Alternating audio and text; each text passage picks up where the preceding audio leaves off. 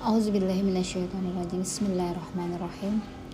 Alhamdulillahirrabbilalamin Wassalatu ya ya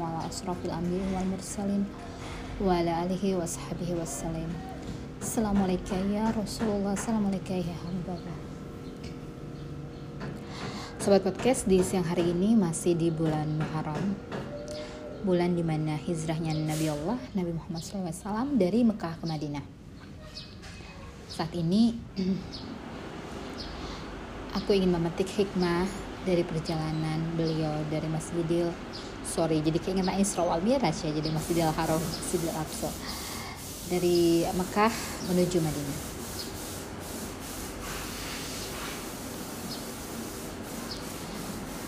Uh, jadi dari sedemikian perjalanan uh, beberapa hari menuju kota Madinah ada beberapa peristiwa yang mengiringi perjalanan hijrah ini. Jadi yang terbayang dalam benakku adalah bahwa kita dalam mendekatkan diri kepada Allah bukanlah mencari sesuatu yang dinamakan dengan karomah atau ma'rifah. Tapi yang dicari di sini adalah bagaimana kita menghamba kepada Allah bagaimana kita itiba kepada Rasulullah bagaimana kita menjalin ketersambungan keterkaitan secara terus menerus kepada Allah dan kepada Rasulullah dan kepada kekasih-kekasihnya Allah ini. Bukan berarti apabila kita ingin mencapai sebuah kedekatan dengan yang maha pengasih lagi maha penyayang menjadikan diri kita kebal seperti halnya kekasih Allah yaitu sahabatnya Rasulullah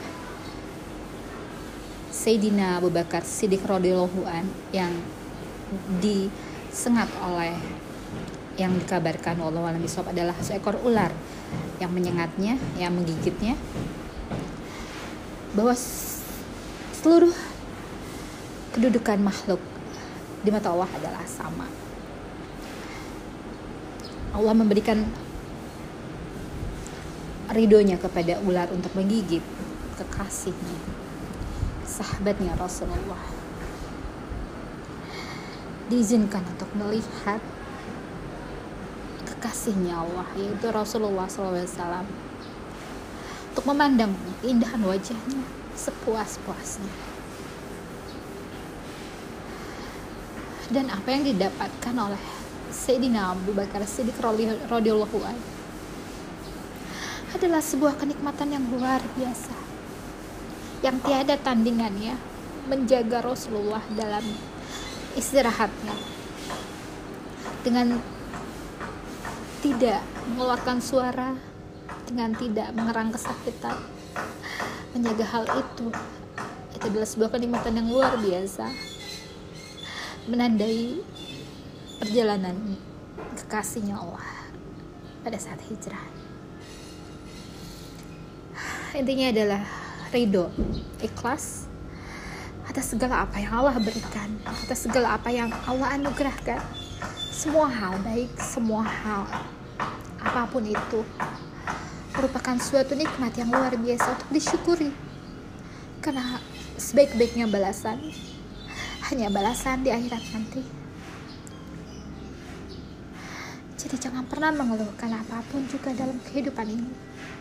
Saat kita senang, saat kita sakit, saat kita letih, saat kita apa pun, nikmati itu, syukuri itu. Semakin tinggi kau ikhlas ridho atas apa yang Allah berikan kepada kita. Bukan untuk mencari karomah, bukan untuk mencari ma'rifah. Bukan untuk mencari kenikmatan-kenikmatan dalam berzikir, kenikmatan-kenikmatan dalam berhalwat bukan itu yang kita cari. Kita hanya mencari ridhonya Allah. Dan itiba kepada Rasulullah SAW memperjuangkan apa yang diamanahkan kepada kita. Semoga ini akan membuat kita sadar bahwa sebaik-baiknya amalan di sisi Allah adalah ridho, ikhlas, dan istiqomah dalam menjalani segala perjuangan ini. Mungkin itu saja yang bisa saya sampaikan. Semoga ini bisa menjadikan kita lebih istiqomah dalam menjalani segala apa pun yang harus kita tempuh, harus kita arungi bersama-sama. Semoga mendapatkan terus cahaya terang, cahaya ilmu, segala cahaya kebaikan. Dan semoga apa pun yang kita perjuangkan diberikan keikhlasan, diberikan ridho, diberikan istiqomah di jalan para anbiya wal mursalin di jalannya Rasulullah SAW.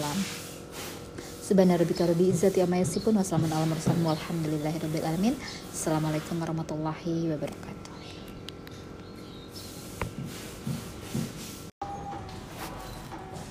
Assalamualaikum warahmatullahi wabarakatuh. Alhamdulillahi rabbil alamin. Wassalatu wassalamu ala asrafil anbiya'i wal mursalin wa ala alihi wa ashabihi wassalim.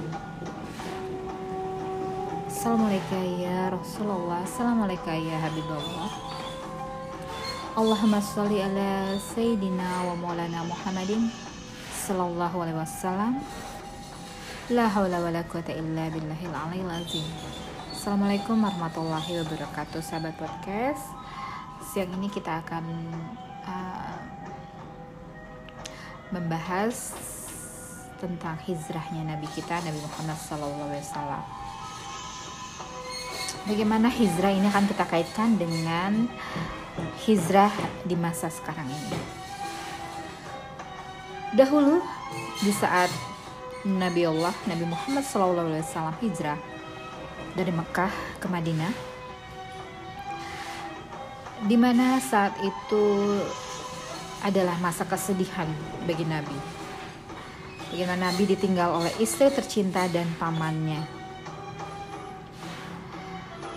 Dan semakin meningkatnya dakwah Rasulullah SAW di masa itu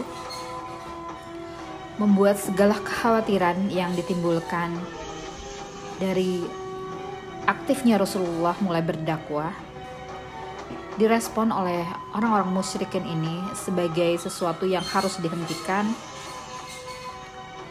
dengan membuat siasat-siasat dan segala siasat yang mereka persiapkan terjadilah sebuah keputusan untuk membunuh Rasulullah SAW. Namun segala tipu daya siasat untuk membunuh Rasulullah SAW semua itu tidak dibiarkan serta merta. Segala apa yang mereka perbincangkan menjadi sesuatu yang direkam oleh para prajuritnya, tentaranya Allah Subhanahu wa taala. Dan disampaikanlah berita tersebut kepada Nabi Allah Shallallahu alaihi wasallam. Ini menjadikan sebuah uh, hal yang sangat penting dalam kita menghadapi segala sesuatu saat ini. Jadi, sebagai orang yang diberikan akal untuk berpikir merespon segala sesuatu yang orang lain rencanakan terhadap kita, kita harus sikapi dengan mensiasati agar segala sesuatu akan menjadi uh, apabila itu menimbulkan banyak mudarat kita siasati agar semakin sedikit mudaratnya atau membahayakannya untuk umat khususnya banyak orang. Bagaimana mensukseskan agar dakwah tetap berjalan jiwa selamat dan dan segala sesuatunya menurut petunjuknya Allah. Dalam hijrahnya Nabi Muhammad SAW ke Madinah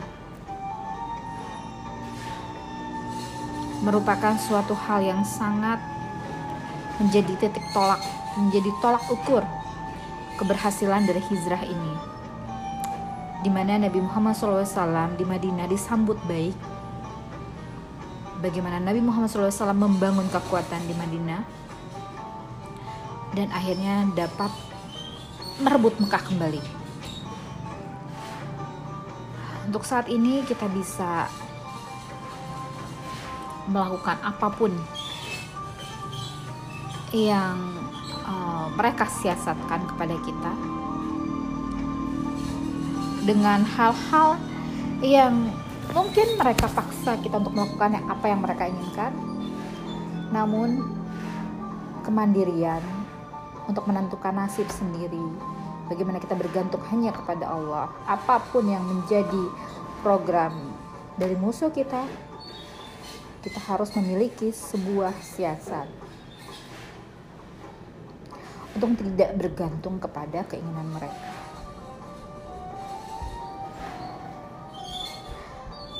Sambil kita menyiapkan strategi dalam dalam memperkuat keimanan dari orang-orang masyarakat mukmin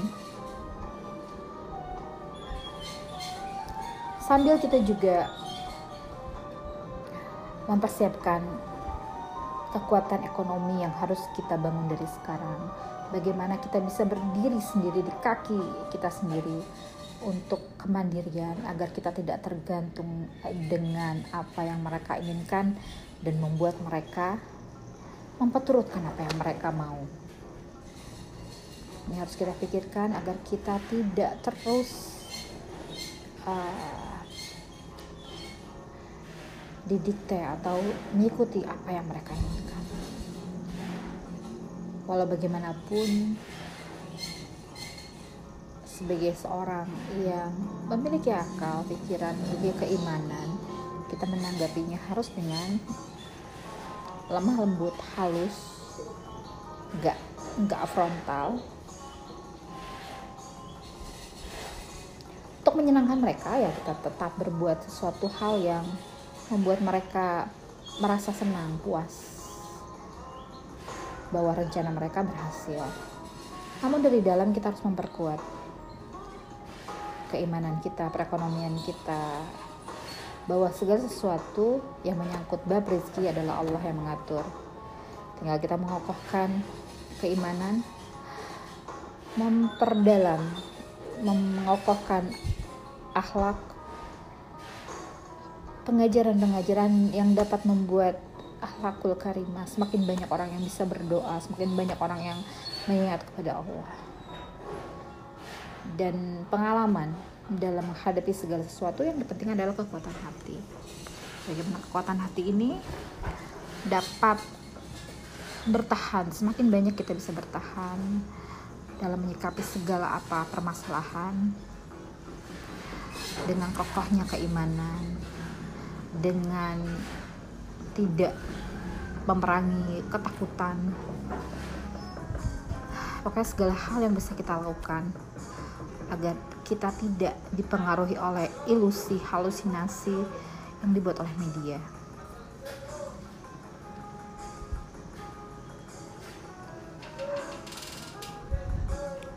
Mungkin itu yang bisa kita lakukan saat ini.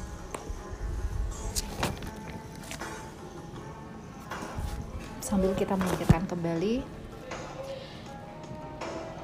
bahwa segala sesuatu yang memegang hati manusia adalah Allah dan kita sandarkan semua segalanya kepada Allah. Untuk melakukan setiap doa-doa kita sesuai dengan yang Allah kehendaki dan terus memperkuat diri kita dengan petunjuk-petunjuk ilahi. Semoga ini menjadikan kita dapat mengambil langkah-langkah yang terbaik dalam menghadapi situasi uh, peta dunia untuk menghadapi segala uh, sesuatu yang akan terjadi kita kita sikapi dengan mandiri memperkuat keimanan uh, mulai membuat sebuah rencana untuk memperkokoh akhlak budi pekerti penerus generasi dan terus meminta petunjuk untuk selalu berdoa yang tepat dan menuju kepada doa-doa yang dikabulkan.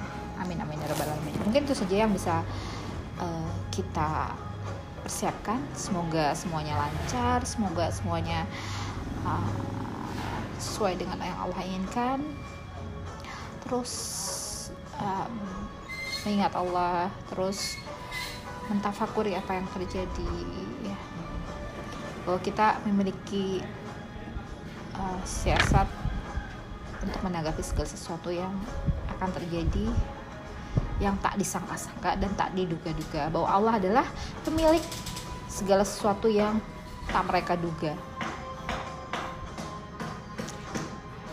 Mungkin itu saja saatnya yang bisa kita um, bikin akumulasi dari berbagai keadaan. Semoga bermanfaat. Assalamualaikum warahmatullahi wabarakatuh. Subhanarabbika rabbil izzati Assalamualaikum warahmatullahi wabarakatuh